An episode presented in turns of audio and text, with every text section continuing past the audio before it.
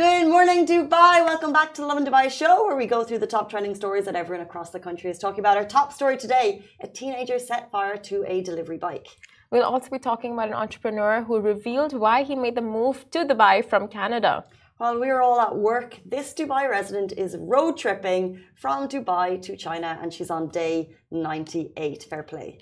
And after all of today's top trending stories, we'll be joined by Magnum Gandour. He's going to be talking about his latest track, Magnesium. We cannot wait for that one.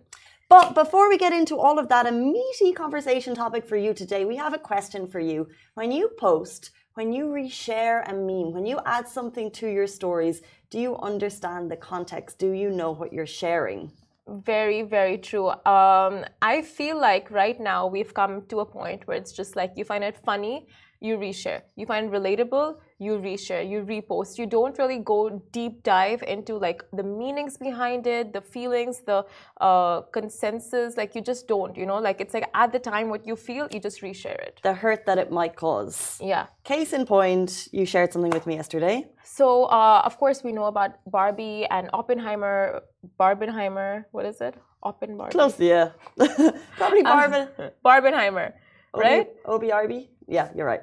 Yeah, so it's like Barbenheimer, and what's happening there is basically like, okay, fine, we have all the jokes and the memes of like, you know, uh, Barbie versus Oppenheimer, the openings, the two movies just clashing in the box office, fine. But now the graphics are getting so insensitive with like just glamorizing the mushroom clouds, glamorizing atomic bombs, the explosions, and we don't, people don't really see there's been so much death behind it. Like the movie is uh, based on history, you know, and not a great part of history. And right now, like what the internet is doing is just like mixing the two and making jokes out of the two without seeing the sentiments behind it. True. Look, I haven't seen Oppenheimer. What I'm aware is that they tackled a really sensitive subject over three and a half hours, Christopher Nolan, in a really uh, conscientious way exactly. to deliver the story. When you put the visuals of the atomic bomb famous mushroom cloud on Barbie's head, yeah, it makes a mockery of the whole thing. Exactly. And I think though, because we've seen so many iconic Barbie images over the last couple of months and the massive, uh, you know, um, amazing marketing that put both release on the same day, uh, unintentionally, but it happened. Yeah. People are sharing these photos without really realizing how uh, unattractive it could feel to some people. Exactly, very true. And like people rightfully said on social media, it's glamorizing atomic weapons and it's doing it in a completely insensitive way that subconsciously desensitizes you to the whole situation and the, you know, just the gravitas of how painful that part of history was. And like you said like you know oppenheimer was done in a very like like they were conscious of how they were creating it and how they were telling narrating the story. And now to just like mix the two and it, it's so insensitive but the internet you know of course like jokes first memes first feelings later. True that. Um, we're having a bit of problems on instagram. Uh, there's no sound coming through um, according to the comments so we're going to get that fixed for you but uh, try and speak a little bit louder. The topic of the conversation today is Are you sometimes aware of the context that you're sharing? Because I think most people, they want to see both movies, they share the memes without really thinking about it. And then it, it's like the wider question of sometimes we share things without really understanding the context and the meaning behind them. Exactly. So, of course, like, give it a double take consider what you're posting, resharing, do your research behind it, even if it's a meme, you know, even if it's something as harmless as a meme, because at the end of the day, it can cause a lot more harm than, you know, just be it, be in it for the lols. So we're going to jump into our top story. Uh, like, please. Okay, we're just going to fix Instagram because what's the point in starting unless we have like 80 people watching? Thank you guys. Parth is Let's here. check. He's going to fix the Instagram. We appreciate you. Thank you so much, Parth. Let us know if you can hear us now. You missed an amazing talk topic. Good to go.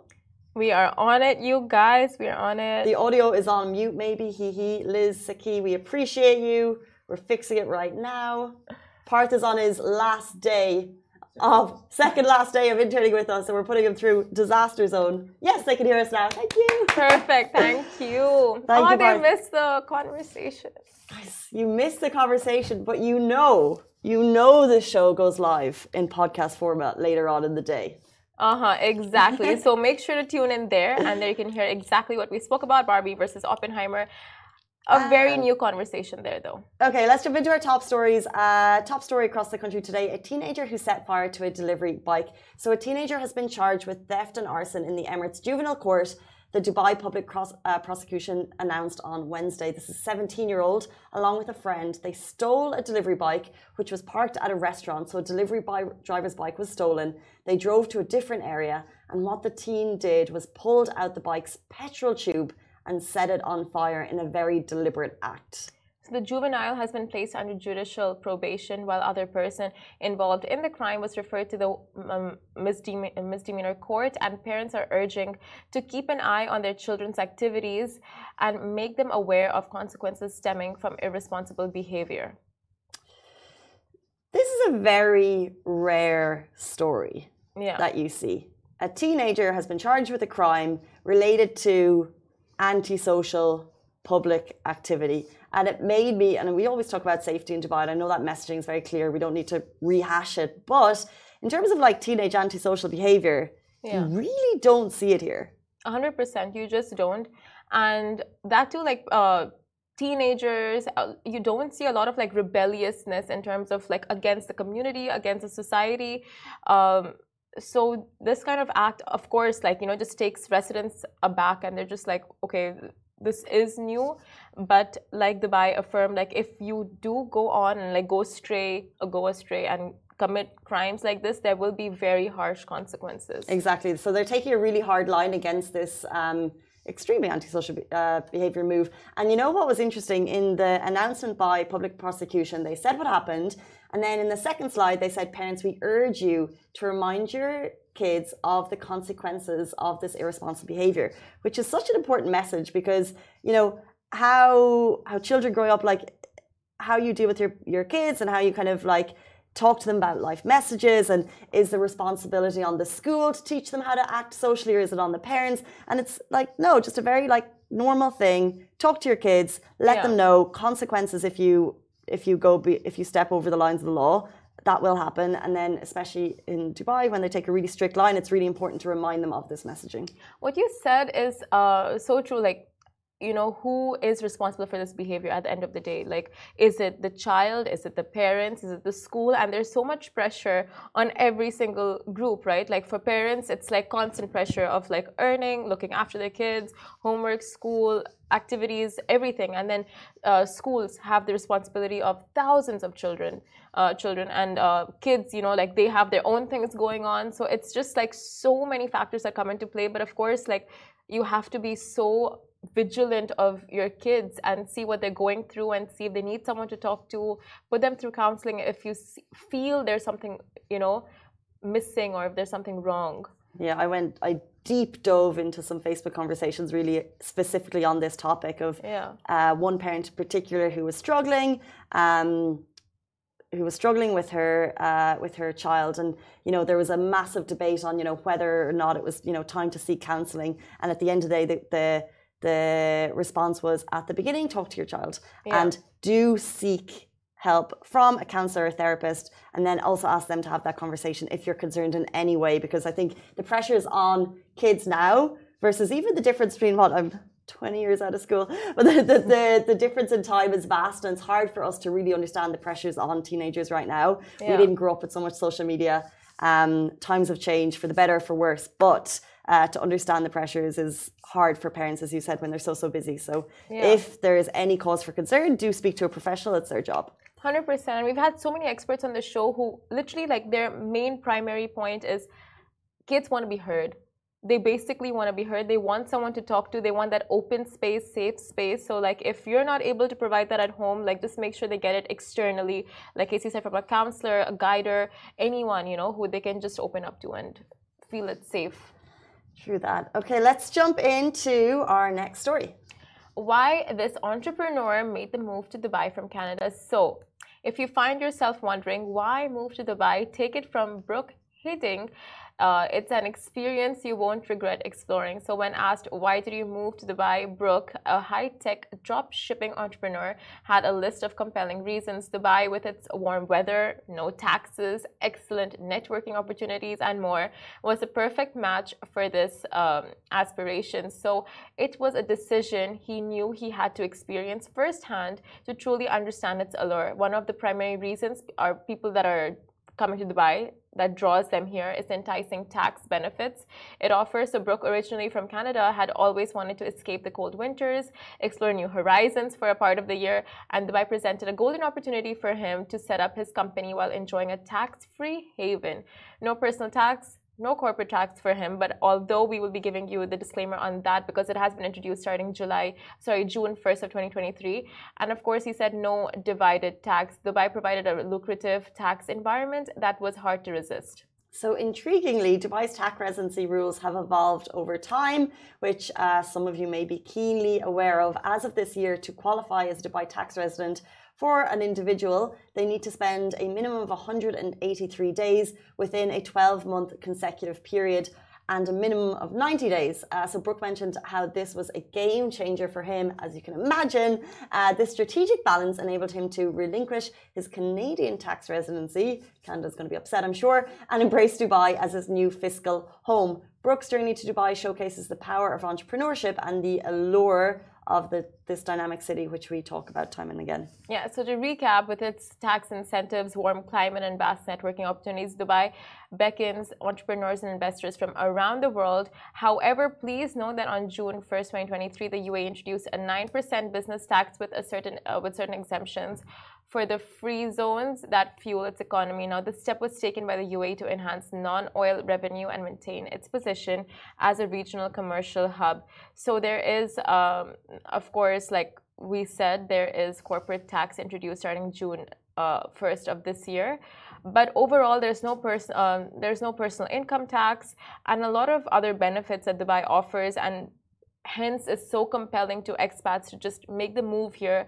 And everything becomes so easy when you want to live here like in terms of finding a house in terms of the applications in terms of just understanding government paperwork. It's so simple compared to other countries around the world True, and uh, usually what I find is that that has actually changed a lot. So in the last ten years, we've moved much, much more towards digi digitalization. So you can do a lot on an app that you weren't able to do before. Yeah. I'm always going to shout out the Dubai Rest app when you want to do your Ejari documents. You can do it there because previously I was running to the to the to renew stuff. I was running to the with all my paperwork and I did it online recently and I just thought it was bish bash bosh. Oh my god. Thank you, apps. Now, of course, sometimes there's lines and there's queues and we have to deal with that. But in general, as Simran said, I do find uh, some of the processes that previously took time, yeah, they have become a lot quicker, um, which is amazing, especially for people who are new to the city um, and there's always questions because there's, you know, things that are confusing, uh, names that you don't understand because you come from somewhere else. But uh, in generally, uh, you'll always find a government website with all the information listed that makes it easy. And that to compare to the last 10, 20 years, it's progressed so much that to like helplines, we have that many more helplines to just call and ask for questions. Uh, for you know FAQs, we have all these uh, Facebook groups, we have all these websites that are helping us out. Apps have become so much better. So comparatively compared to when our parents moved here it's just not parents of course like you know back 20 years ago it's just that much more easier and simpler. Thank you internet thank you innovation and thank you a government that is all in for innovation. Now from moving to dubai to traveling road tripping away this dubai resident is road tripping from dubai to china and this journey looks epic. So people often settle for road trips to neighboring Emirates, but this daring Dubai resident, Kate Lanley, and her partner are taking Wanderlust to a whole new level. Forget Sharjah, Abu Dhabi, or Oman. They've got their eyes set on this epic road trip to China, and I promise you it's something you're going to be following if you have the adventure bug. So the couple is driving an overland jeep uh, with essential amenities such as a tent to sleep in, a fridge to secure the goodies, and more. And they're doing that while being sustainable. They operate two solar panels on top of the storage units at 100 watt each.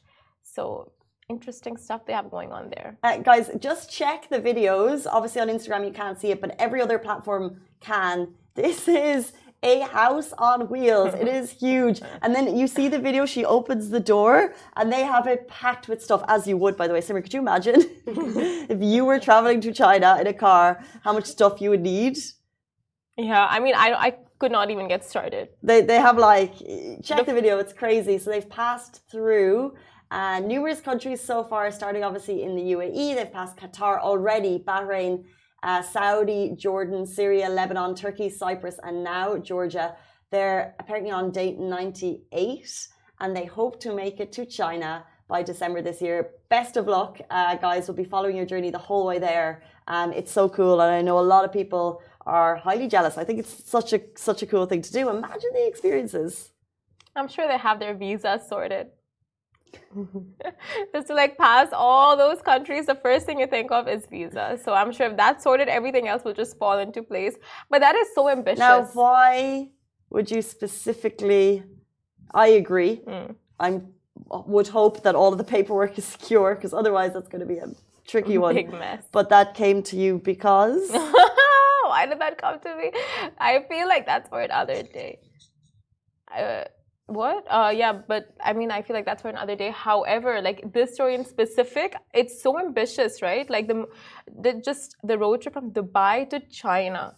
It's like one day you wake up and you're like, you know, I want to travel. Let's make it a little bit more complicated, not just take a flight out. No, it's the experience of going through all the countries. Now, if you look at the video, they're in this insane Jeep. Literally, it's got all the essential amenities. So they basically have a house on wheels. So if you want to do it, get yourself a Jeep, go from China, plan the route, get in touch with Kate. We have her tag on our Instagram and you can figure out the route. Maybe she should start. I mean, like, I would start that as a business, be like, here's my route. Here's yes. all the visa information if you want to do that road trip. I can surely people would be interested. 100%. She could start, you know, doing that link, you know, buy a Jeep, here's my social. What's that affiliate marketing? I think affiliate marketing. Yeah. 5% off and the top use for my every code. Use my code. you can travel like I did. I think that is genius, Casey. Kate, if you're listening, do take that on board because that is honestly such a good business idea. That too, with what you're doing, it's so exciting. It's so exciting.